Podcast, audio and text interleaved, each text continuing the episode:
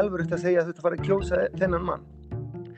Og þeir voru að segja já en þú ert ekki að búa hér, þú veist ekki hvernig staðan er, þú veist ekki hversu erfitt er að vera með 150% verðbólka, ég skil það en mér finnst að þau eru búin að gleima allt hýtt.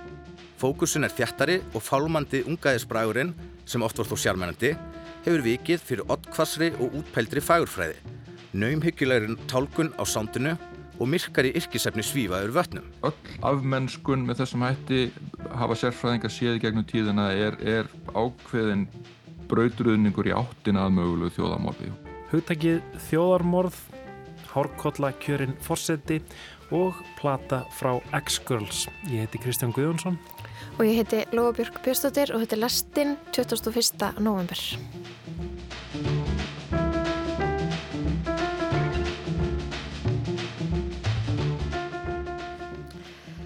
Já, það voru svona nokkuð óvæntar niðurstöður fórstakostninga í Argentínum um helgina. Javier Milei sem er kallar Hárkollan og Klikkhausin þú eru heyrtum hann ég, Já, ég hef séð myndir á hann hann er með mjög einmitt fríkað hár sem að lítur út þessu hárkolla. Já, það stendur einhvern veginn allt út í loftið og hann er með svona barta sem eru svona já, verðast tilhera einhverju einhverju öðru tímabili heldur en þarna árunum 2023 allavega uh, hann vann fórsættakostningar Argentínu hann vann núverandi efnahagsráþara Sergio Massa og uh, Milei, hann er lengst til hægri, hann er alveg öfga hægri maður og að einsögn eini frjálsíkjumadurinn á argentínska þinginu, hann er mm. anarko-kapitalisti um, mikill aðdóndi Donald Trump og mjög margir sem að byrja það saman finnst vera líkindi hjá þessum tömur mönnum. Og hann Milei ætla sér að endurreysa Argentínu upp úr öskunni. Mm -hmm, Gera Þa... Argentínu frábæra aftur. Já, eitthvað já, þannig. um, uh, Verbulga í, Argentínu er sögulega há og hann til dæmis mætti á kostningafund uh, í aðranda kostninga með svona keðjusög. Hann ætla að um, fara með keðjusög í, á útgjöld ríkisins. Hann er svona, mm, já um, Slátraðum Já, hann uh, ætla sér mjög að gera mjög mikinn neðuskurð á, á, á bókaldi argentíska ríkisins. Uh, allavega, um, við náðum sambandi við argentínumann sem er búsettur á Íslandi og, og fengum svona að heyra viðbröð hans við þessum um, nýja fórsetta Argentínu. Ese es el punto. Es decir, vos al zurdo no le podés dar un milímetro, porque le das un milímetro y lo toma para destrozarte. Es decir, usa, digo, o sea, vos no podéis negociar con el zurdo. No se negocia. No se negocia con esa mierda, no se negocia porque te van a llevar puesto. En uh, ég heiti Felix, ég er frá Argentínu, búinn að vera á Íslandi síðan 2015, kom stundan á mig HÍ og hef verið hér síðan. Hérna, kláraði masternam í hensbyggi og núna er ég að taka hérna mm, kennsluréttindi. Hægt og rólega þegar ég er í fullu vinnu líka að, og tvö þannig að þetta tekur smá tíma. Ég er frá Rosario í Argentínu. Ég fætist í Rosario hef búið þar alla mína æfi þanga til að ég kom hingað. Nema eitt ár sem ég var skiptinemi hérna á Íslandi árið 2002 til 2003 þannig sagan mín á Íslandi byrjar í reyndar fyrir 21 árum síðan.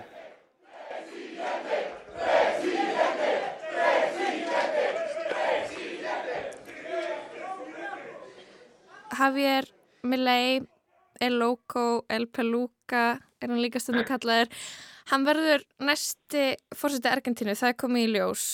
Um, mm -hmm. Hvernig, hvernig þykja þér þær frettir? Sko, ekki vel til að segja satt, sko.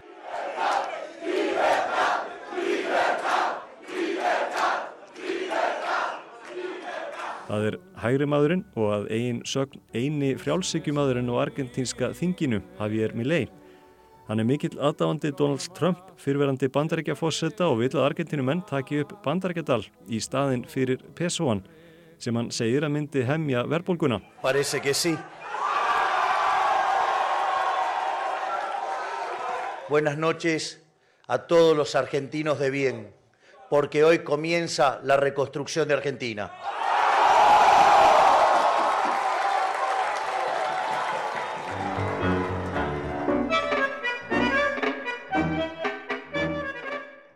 Sko, mér finnst að þetta er ekki góða fréttir fyrir Argentínubúar en ég skil vel að fólki vilt ekki kjósa hérna hinn frambjöndur sem var að bjóða sér fram því hann er efnasráðherra eins og er og Argentína er í mjög viðkvæmi stöðu, þú veist það eru 150% verðpolka í árinu og það er eitthvað sem segir að þetta verður að minga bráðum heldur en er á ykast en á móti finnst mér að breytingar þýðir ekki alltaf góðar fréttir. Að breyta þýðir ekki að það sem gemur verður betri. Í, í þessari tilfelli er, finnst mér það sem Javier Milei er að segja er ekki gott fyrir Argentínu búar. Í gær, fyrsti dagurinn eftir að kostningar voru, það byrja að segja að hann ætla að hérna, selja alla fyrirtæki sem ríkið á, þú veist, hann ætla hérna, hvernig segir, ein... Engavæða, hérna. Ein, já, engvæða, hérna, ríkisútvarpið, óljufyrirtæki, hérna, flugfyrirtæki, allt, þú veist, hann sagði, allt sem getur verið enga fyrirtæki verður enga fyrirtæki.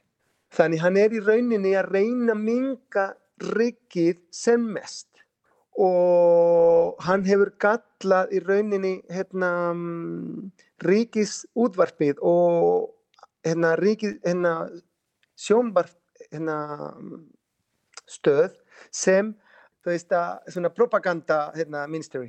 Áróðusröðunitið, já. Já, Mm -hmm. og eins og ríkið á ekkert að segja við fólki sitt. Mm -hmm. Bara hann er að reyna að fá markaður yfir allt. Veist, eina reglan fyrir hann að markaður á að stjórna öllu. En þegar ég segi öllu, hann finnst öllu. Hann hefur sagt að hann vilt hérna, einhverja götur. Veist, hann er ekki til einu sinni að hérna, byggja nýjar götur, nýjar hverfi, ekki neitt. Markaður á að segja hvort það sé hagkvæmt eða ekki. Ef að þetta er hérna, hagkvæmt fyrir einhver fyrirtæki, það mun gerast ef ekki því mýður þetta verður ekki til.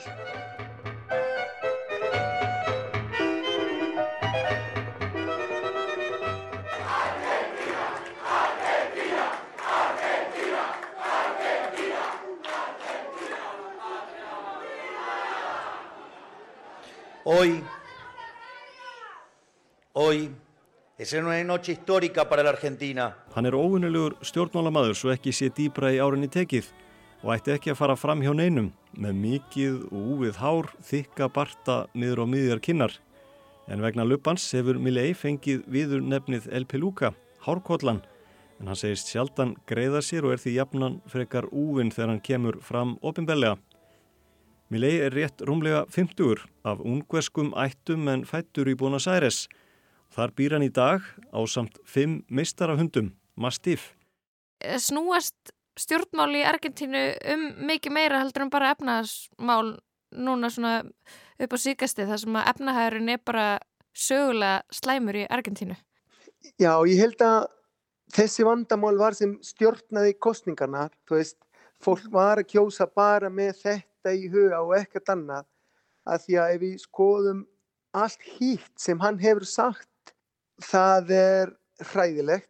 Fyrir 50 árum, það var í Argentínu hérna einráð, veist, það var herrdók yfir völdin í Argentínu Mm -hmm. og það eru talin að þau hafa drepið rúmlega 30.000 manns. Jafnvel eru hérna væntanlegar 500 börn sem voru tekiður mömmu þeirra og settir í annað fjóskildu í öðru nafni og ekki látið vita neinum að þessu. Og við erum ennþá, eða ekki við, hérna Argentínu hérna, samfélagi er ennþá að leita þessum börn sem eru núna á milli 40 og 50 ára. Þannig að það er ennþá fólk í kringum 45 ára sem allt í einu fatta að pappi og mamma hennar eru ekki það heldur einhver annar sem er dáin núna og veit enginn hvar þau eru. Kanski hefur heitt um hérna Abuelas de Plaza de Mayo. Það eru ömmur sem hafa verið að leita barnabönni sín síðan 1983 þegar hérna leiraðis kom aftur í Argentínu. Þau hafa verið að leita þessum börn og nú þegar eru 129 held ég fundin af 500 sem er talin að eru vændalegt. Hann segir að þetta sé bara, hvernig segir þetta svona, um, óhóft Mm. Skilur, bara, já, þetta var svolítið mikið en þau eiga þetta skilin sem er hræðilegt Já. að sé maður að húsa svoleiðis. Ef hann væri í Þískalandi og að segja þetta við hérna gýðingar, hann væri í fangelsi, þú veist, hérna negationism er, þú veist, bannað í Þískalandi og hann getur sagt þetta í Argentínu og mér finnst það bara ekki lægi. En hefur, en hefur fólk gaman á honum? Finnst fólk hann vera skemmtilegur og, og sniður eða er, er, er, hefur hann eitthvað svona personutöfra, finnst þér? Nei, sko, ef við skoðum hérna kostningarnar, hann fekk beint bara 30% af hérna atkvæði. Þú veist, Já, hann vann, hann, hann fekk fengið 30% en 55%. svo í valutast, í setni umferðin, Já, þá fekk hann fin- 55%. Þannig rauninni, hann er ekki það vinsælt. Heldur þetta var meira fólk vildi ekki gjósa hinn sem var að móti honum. Af því að hann fekk 30% og efna ráherra fekk 37% í fyrsta umferðin og svo fóru þau saman aftur á móti hvert öru og vann hérna Milei með 55% á móti 45. Eða í rauninni 56 á móti 44 held ég eitthvað svoleiðist. Það var rúmlega 12% á milli sem er mjög mikið, engin spáið svona mikið munur á milli.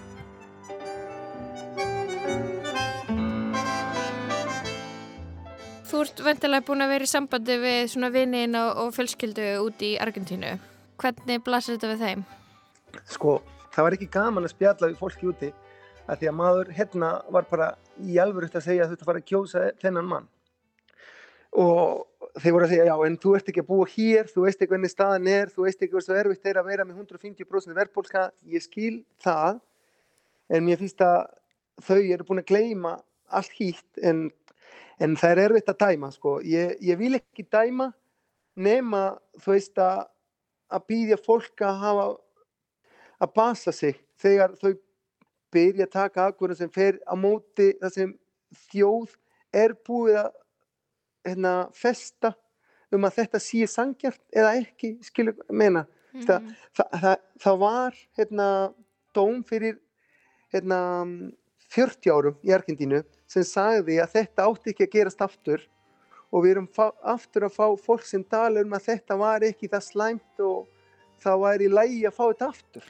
Ég bara, ég skil þetta ekki. Sem sagt herstjórnina þegar að, einræðist tímabili einræði, já.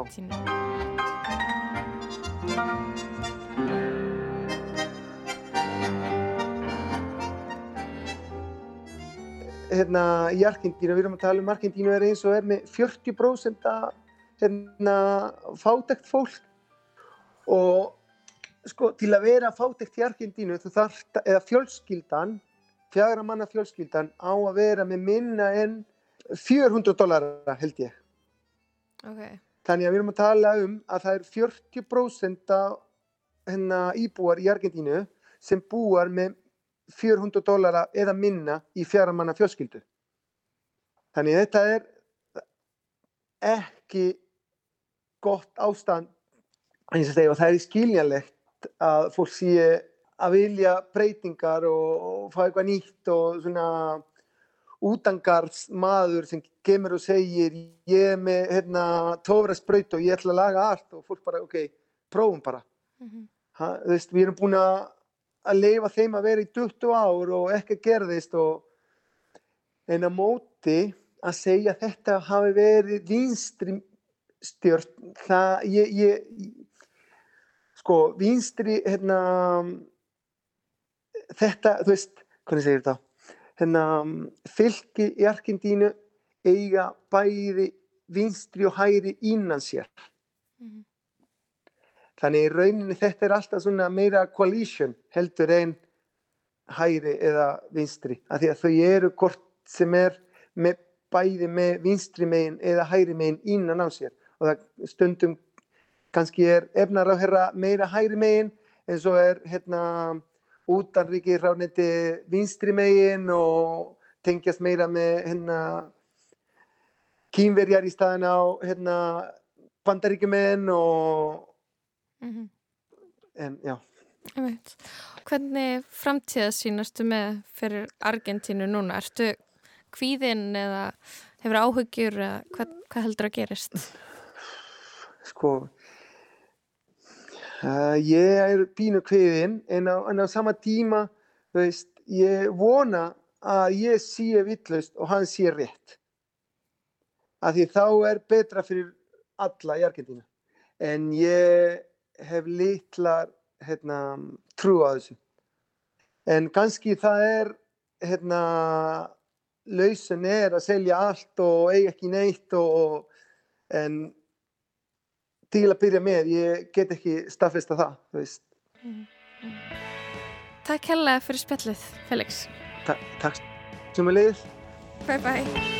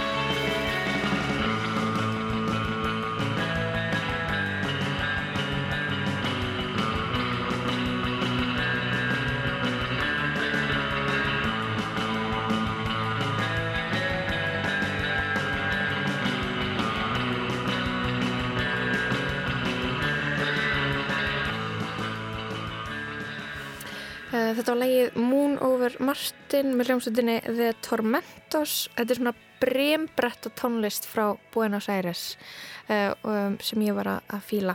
Uh, þar undan spjallið við, við Felix Wolfin sem að pældi í niðurstöðum fórsetakostningarna í Argentínu með okkur. Hann er uh, Argentínumæður sem er búin að vera búsettur á, á Íslandi í, já, allavega síðan 2015.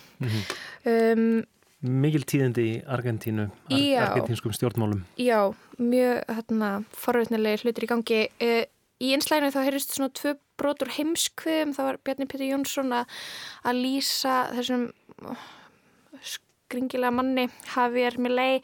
Um, það er hægt að hlusta á, á heimskviðu þátt sem að svona segir, já, svona, svona baksuna að þessum kostninganeyðustöðum frá uh, efnahags ástandinu í Argentínu og, og aðeins meira frá Javier Milei ef að, hlustendur eru forvetnir þá mæli ég með þessum heimskuðu þætti. Einmitt. En við ætlum að eh, snú okkur af allt öðru, við ætlum að halda heim og í tónlistarlífið. Daví Róts Gunnarsson hefur verið að hlusta á nýja plötu, já, fyrstu breyðskífu hljómsveitarinnar X-Girls sem áður hétt uh, Russian Girls. Hljómsveit sem að uh, er nokkuð oft spiluð hérna hjá okkur í lestinni. Um, Daví Róts er uh, annálaður að, aðdóðandi sveitarinnar. Við skulum heyra hvernig um, þessi nýja plata, fyrsta plata sveitarinnar verk uh, slær Davíð. Halda áfram, gefast upp, drauma að lifa, drauma lifa, koma heim, aldrei neitt, muna, ekki glemt, sitja fastur, ferðast aftur. Síðasta laugardag kom út fyrsta breyðskifa raf tríósins X-Girls sem kallaði sig áður Russian Girls en breytti nýlega um nafn vegna óþægilegra hugreiningan hengsla við rúsneska utaríkistefnu sem er ekki svo vinsalsta um þessar myndir. X-Girls voru verðlunuð fyrir besta raftónlistalag á íslensku tónlistavörlunum á síðasta ári og það mjög verðskuldað fyrir lagi sem hér ómar undir, Halda áfram. Þessi fyrsta breyðskifa þeirra kemur út á vegum BBB, BBB útgáðunar sem Teknobjarki rekur frá Berlín og heitir einfallega Verk. Titill sem sver sig í ætt við móternískan og mekanískan hljóð heim sveitarinnar og texta sem sveiblast frá dataísku möndrum yfir í fjarrannan tilfinningakulda þar sem sound og áferðarattana segir oft jætmikla sögu og orðin sjálf. X-Girls er tríó skipað þeim guðlegi Haldóri Einarsinni sem er fyrirvenandi helmingur rocksveitarinn Fufanu og núvenandi ein aðalsbreytan í Skröttum. Söngkoninni Tatjónu Dís Aldísardóttur og Gilva Fríland sem áður trommaði með Retro Steffsson. Russian Girls byrjaði árið 2011 sem hugarfóstur Guðlaugs þegar hann var ennþá í Fufanu sem einhvers konar útrás fyrir rafrauna tilraunagerjun sem rúmaðist ekki innan ramma þeirra mjög svo fínu rocksveitar sem áttu eitt besta lag ásins 2016, þið pumpandi og súrkálskotna Sports.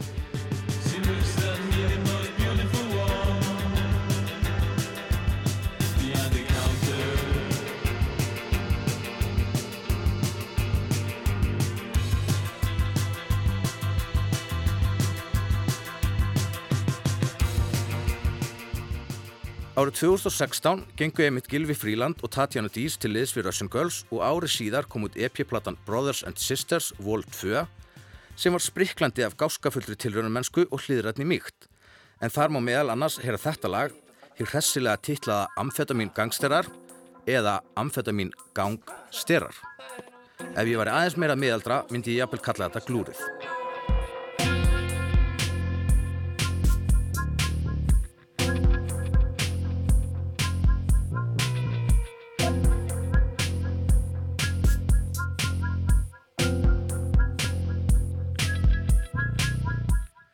Strax í þessum fyrstu smá og þraungskjöfum var ljóst að Russian Girls var alls engin ruslatunna fyrir það sem rataði ekki í Fufanu. Heldur leitandi og framsæki rafpop. Þó kannski stundum eilitið sundurlöst, enda sveitin ung og ekki alveg búin að finna fjöluna sína. En hæfileikarnir og sprúðlandi tilraunagliðin leindu sér ekki. Á svipuðum tíma stopna Guðlugur rocksveitina Skratta á samt Karli Torsten Stalbarn, Kalla í Mökk, sem átti eftir að stækka og gefa eina bestu plötu ásins 2021, Hellraiser 4. Þó skröttum hafi fjölgað er Guðlugur áfram innst í koppur í búri og einn helsti arkitektinn að hljóðheiminum. Hefur verið í aðalhlutverki í upptökum og hljóðblöndun.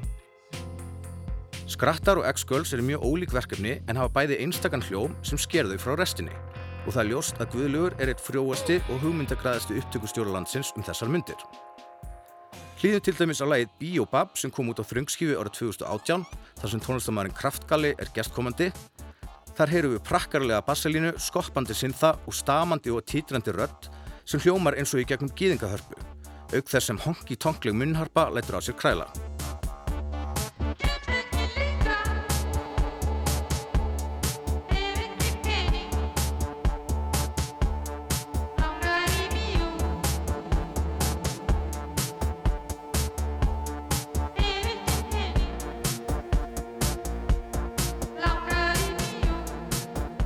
Þó að fyrra efni Russian Girls, nú X-Girls, hafi margt verið mjög gott, heyrist glögt á þessari breyðskifu að sveitin hefur fullornast.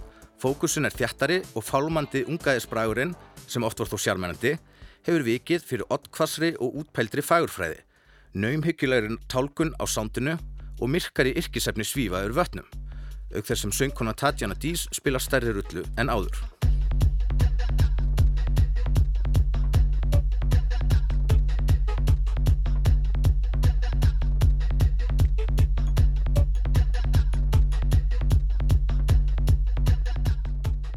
En þó að fókusin sé þrengri er verk þó langt frá því einhæf skífa.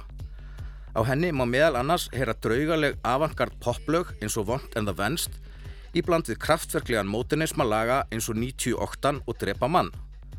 Og breytin nær allt frá taktlausum stuttum uppbrottsvignettum yfir í 8 mínútna fullblón teknobangera á þessari 12 laga og 50 mínútna plötu. En það sem bindur hana saman er ískaldur og þykkur hljómurinn sem er einhvern veginn bæði grjóthart yðnaðarsalt í ætt við Einfjörðsæti Nóbáten en á sama tíma fengi og lifandi. Ímislegt minni mig á orkuverið frá Dusseldorf, Kraftwerk og stundum var mér hugsað til bandarska hip-hop-produsansins LP upp á sitt besta. Maður færða líka á tilfinninguna að gamaldags analog synþar séu hér í stóru hlutverki frekar en eintómt Ableton Live.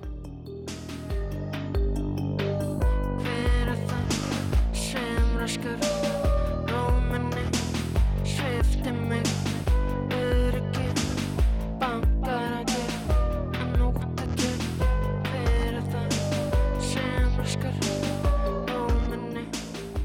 Lægið Hundraði hættinu er dæmi um myrkari yrkisefnin sem áður var minnst á. Mögdim og óhugnaleg rökkurvísa þar sem Tatjana syngur aftur og aftur. Hver er það sem raskar róminni, sviftir mig, öryggi, bankar á glerið, að nóttu til, hver er það?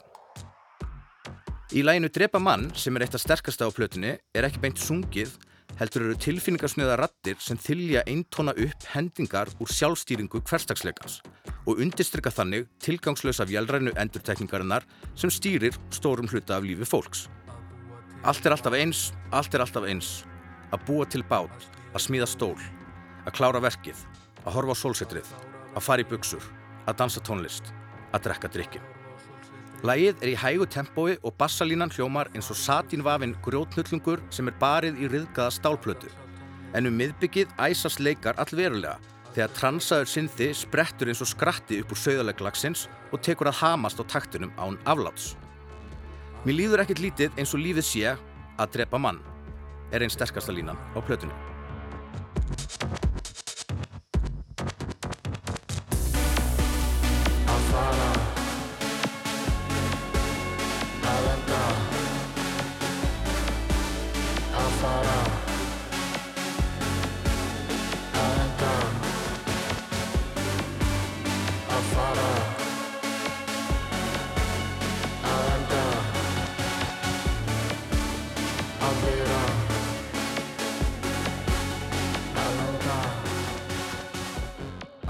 Erða þreg er nýhílísk ballaða um fánýti þess að reyna að klifra upp úr þeirri mökkdjúpu hólu sem stundum er köllu lífið.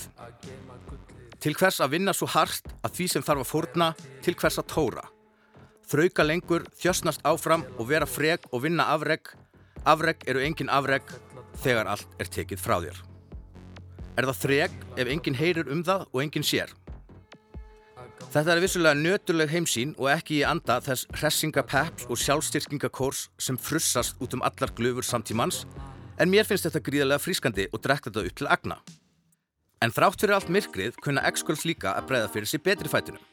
Hvað er enda betra til að flýja myrkrið í sálinni heldur hann að týnast í myrkri næturklúpsins, láta það umfaðma sig meðan meðvundundin gufar upp og gengur taktunum á hönd.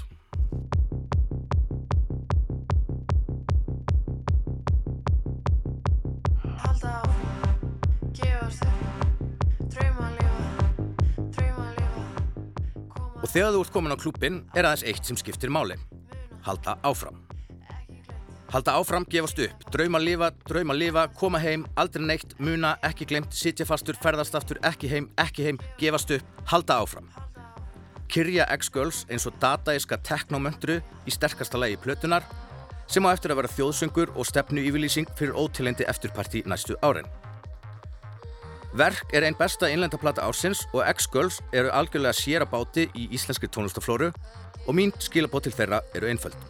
Halda áfram.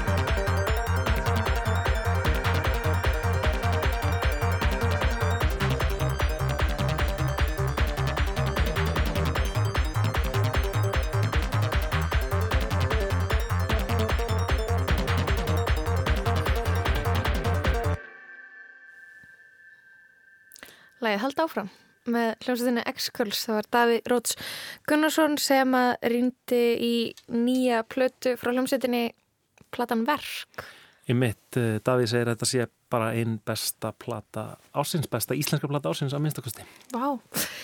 Um, en við ætlum að snúa okkur að öðru núna í lestinni. Við ætlum að pæla í orði sem hefur verið mikið umræðinni upp á síkasti. Stöðið þjóðarmorðið stendur á kröfuspjöldum margra þeirra sem að hafa mótmælt framferðið Ísraelstjórnar á Gaza undarfarna vikur. Þjóðarmorð, genocide. Þetta orð er reglulega notað af stuðningsmönnum frjálsar Palestínu um þessar mundir til að lýsa ástandinu. Þetta eru semst ekki loftarásir eða innrás, þetta er ekki stríð, ekki átök, ekki bara blóðbað, heldur þjóðarmorð.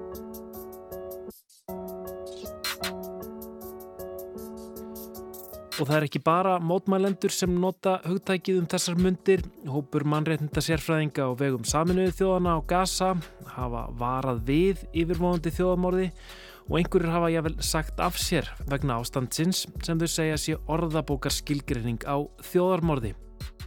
Í síðustu viku lögðu svo nokkrir lögfræðingar fram beðni um að alþjóða stríðsklæpa domstólinn rannsækaði mögulegt þjóðarmorð Ísraela í Palestínu og domstólinn hefur opnað rannsókn í kjölfarið.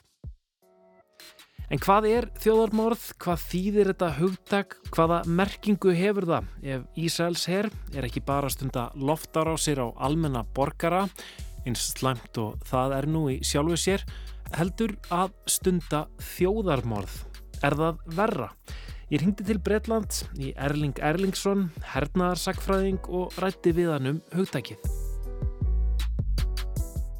Það verður í raun og veru formlega til meðan á setni heimstyrjöldinni stendur að það er pólsku lögfræðingur sem er mótaði þetta grísk-latneska hugtak. Rafael Lemkin var pólskur gýðingur, lögfræðingur sem hafði sérstakann áhuga á slíkum atbyrðum í sögunni, ofsóknum kristina manna eða útrýmingu ottomanna á armenum. Later on I became interested in genocide because it happened so many times. It happened to the Armenians and uh, Hann benti á að einn höfuðpaurin í því þjóðarmorði var myrtur í hemdarargerð og honum fannst mikilagt að tilværi lagalegt hugtak sem næði utanum slíka glæpi svo einstaklingar þyrst ekki að taka lögin í sínar hendur.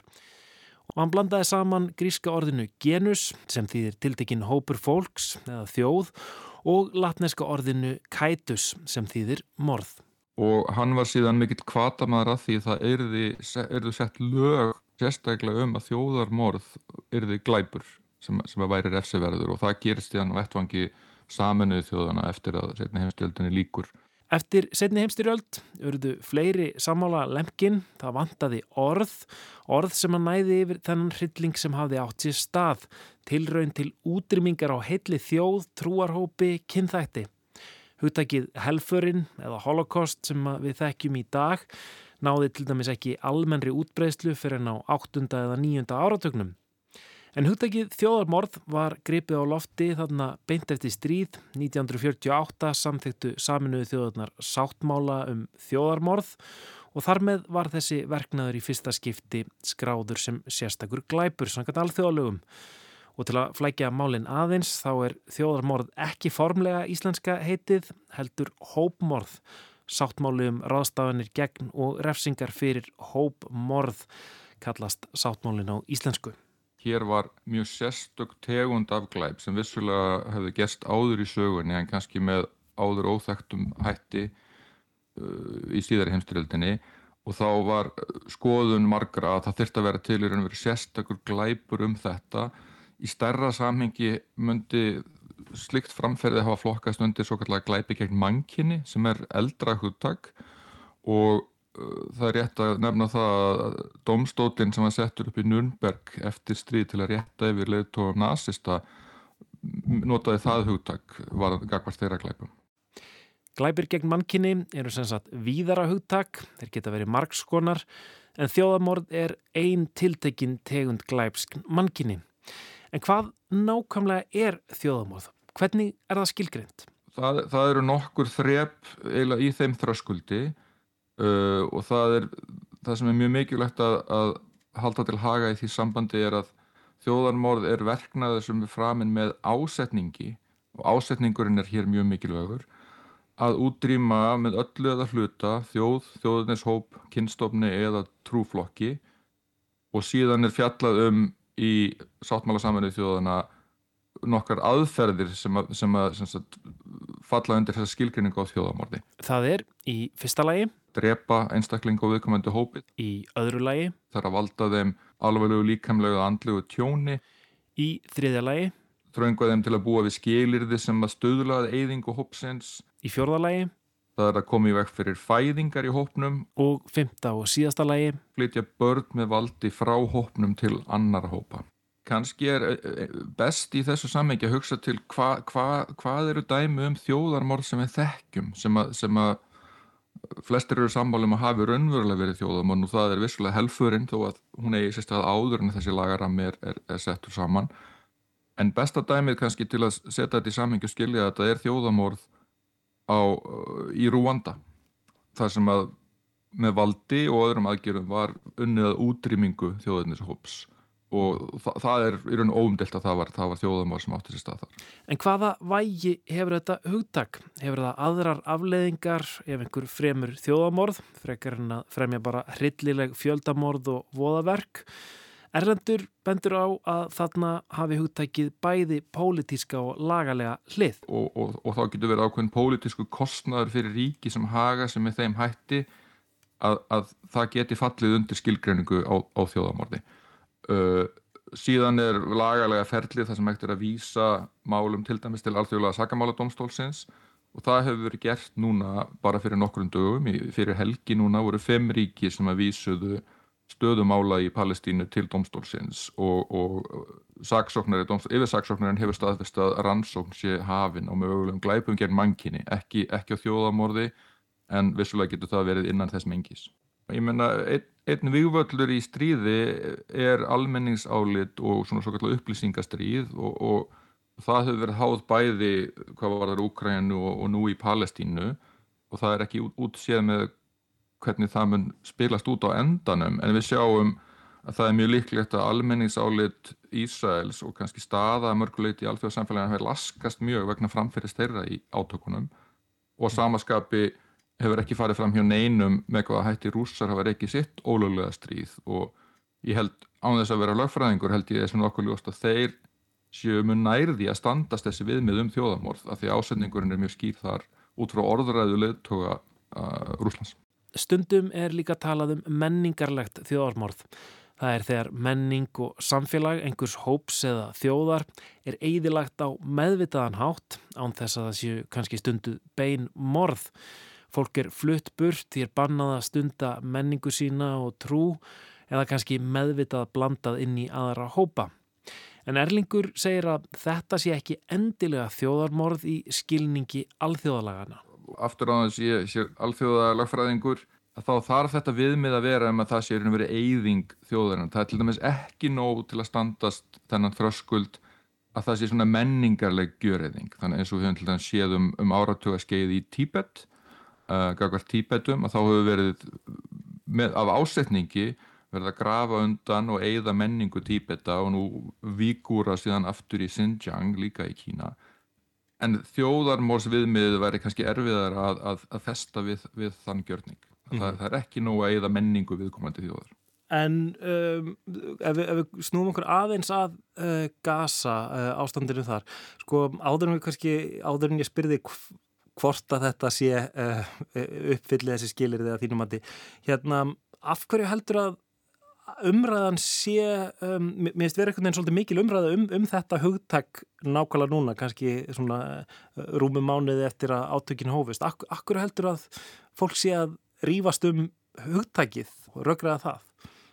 Ég held að það, það hefur nú oft áður verið í umræðinni varandi þessi lungu og flokna átök en ég held að flestir hefur séð núna að, að framferði Ísars hér hefur verið með umfólksmeiri og, og skulum ekki segja meir en kraftmeiri hætti heldur en hefur verið áður í átökum gagvart Gaza eða gagvart palestinumönnum og umfang loftar til dæmis hefur verið með þeim hætti að, að það verið sem að herin sé ekki gæta þess með þeim hætti sem hann ætti að gera samkvæmt allavega mannúðalögum að almenni borgarar falli ekki.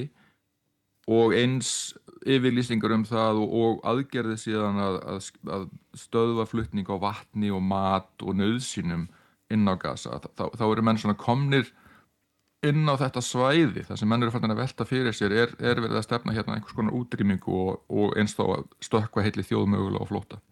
Já, þá fer maður að hugsa um þetta sko þriðja skilirði einhvern veginn þar sem að hérna, í, í, í, þessum sáttmála saminuði þjóna þar sem við talaðum sko einhvern veginn að búa, búa við lífsskilirði sem, að, sem einhvern veginn gera það og, og, sem meða líkamlegri eyðingu hópsins eða hlutans.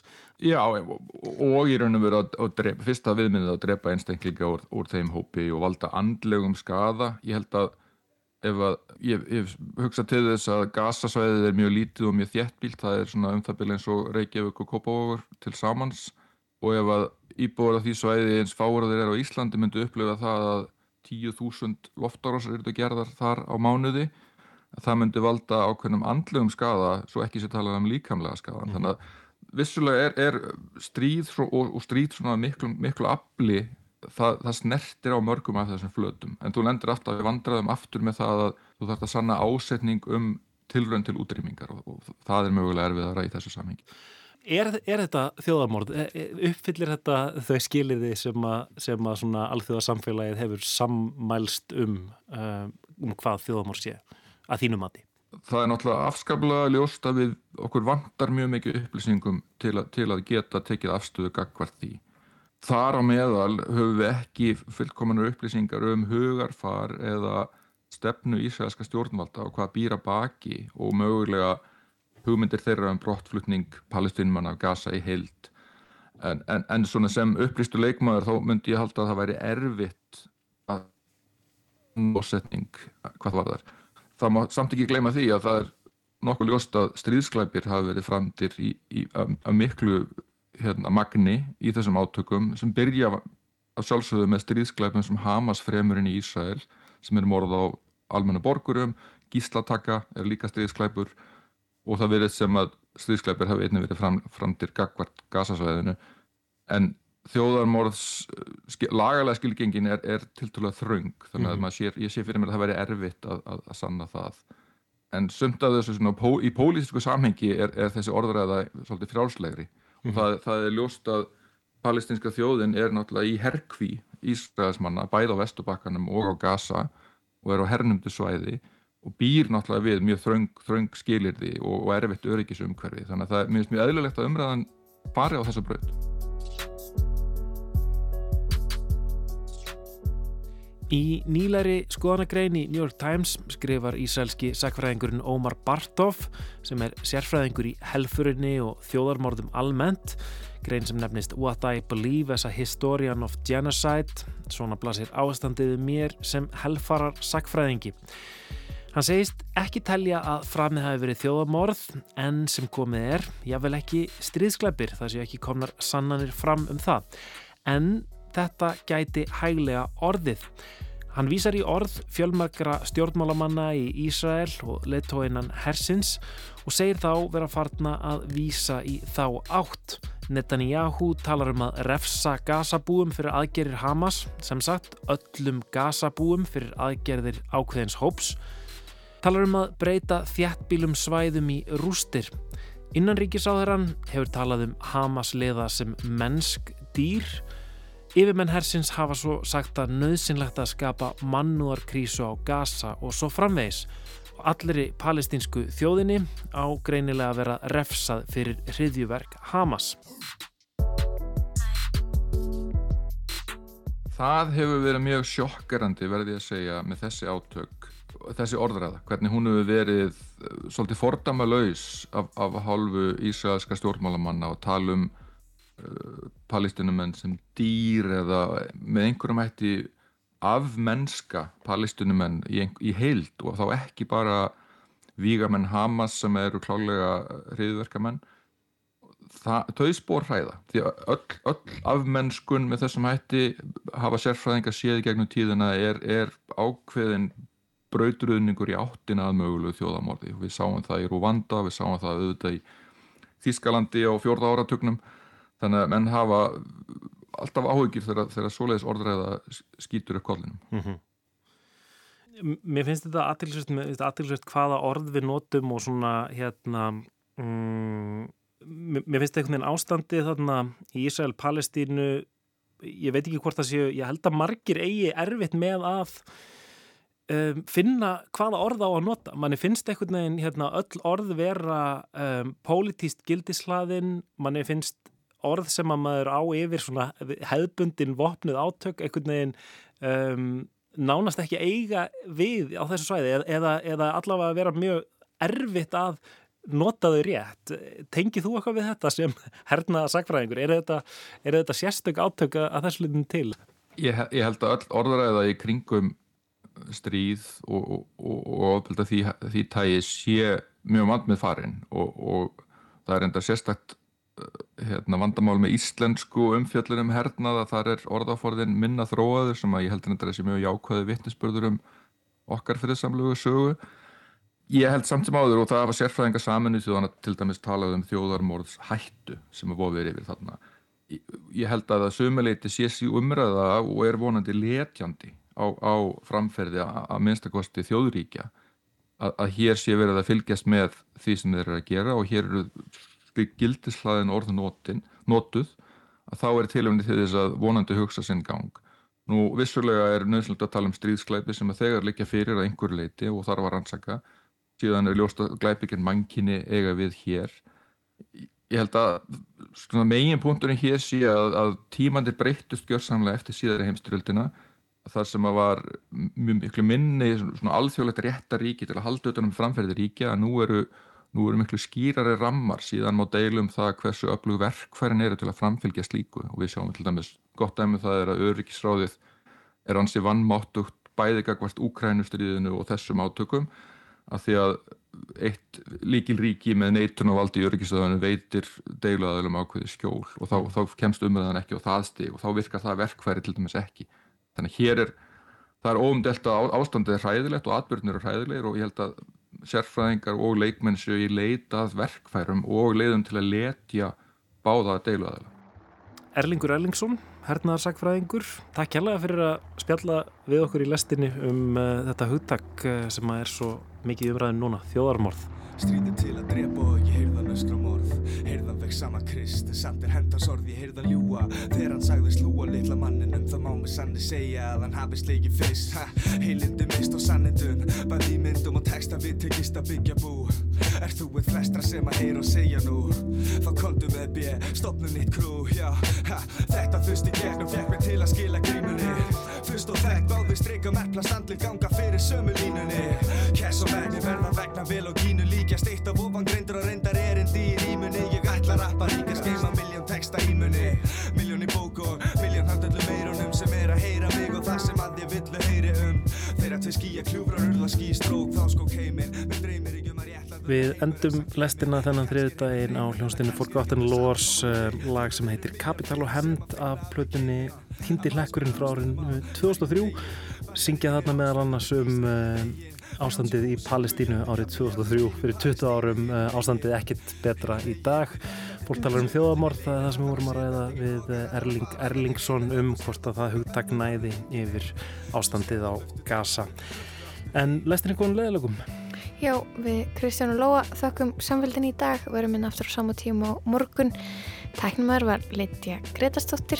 verið sæl Ég heyrða að ljúa Í nafni hvöð sannleik og réttlæti Sá þá snúa. Heiminum á sitt bandi Svo lengi sem jörði snýst réttlætis Minn ég snúast gegn og efast réttmæti Að hafna svona á nafna og þeirra stefnu Stöðun skal hafna. Sem er megin hagsmunni snýr fyrst og fremst Af oppýt út listar hefndir Bótt þrýstir bensín gjöfun á stríðstólunum Og tóttum að tróni með blóð Þróan að þjóð og lóanum. Og okkar stríður eru góð Eru skila bóðið sér nýkin slóð í skólanum. Og fólki sem fólunum stjórnir og heila þvegið með. Fólki sem fær í fórnin á hverjum degi vegið með. Vopnum sem eru meira virð en líf þeirra eigið þeir Og vestu bakkar að litli krakkar hafi valnum leið Ég fer og veit fótnar að vísa í spissu púður Svo ég herr búðum Sharons bara hleyið þeir Og þið sem farið með valdi bara þegi hér. Þetta er fucked up, kom og segi með Frjáls Palestína. Frjáls Palestína! Banalið fantasía, fyllist þegar þjóðin glötu þeir Réttlændi vanta því að Daví stjarnar blóði ötu þeir Svo skipundadómaratnir eru svo gott sem fokkin blindir að Hemda fosta og losta í olju lindina Svo ég spyr, hvað mun það kostaði loksins borgi fyrir syndirnar?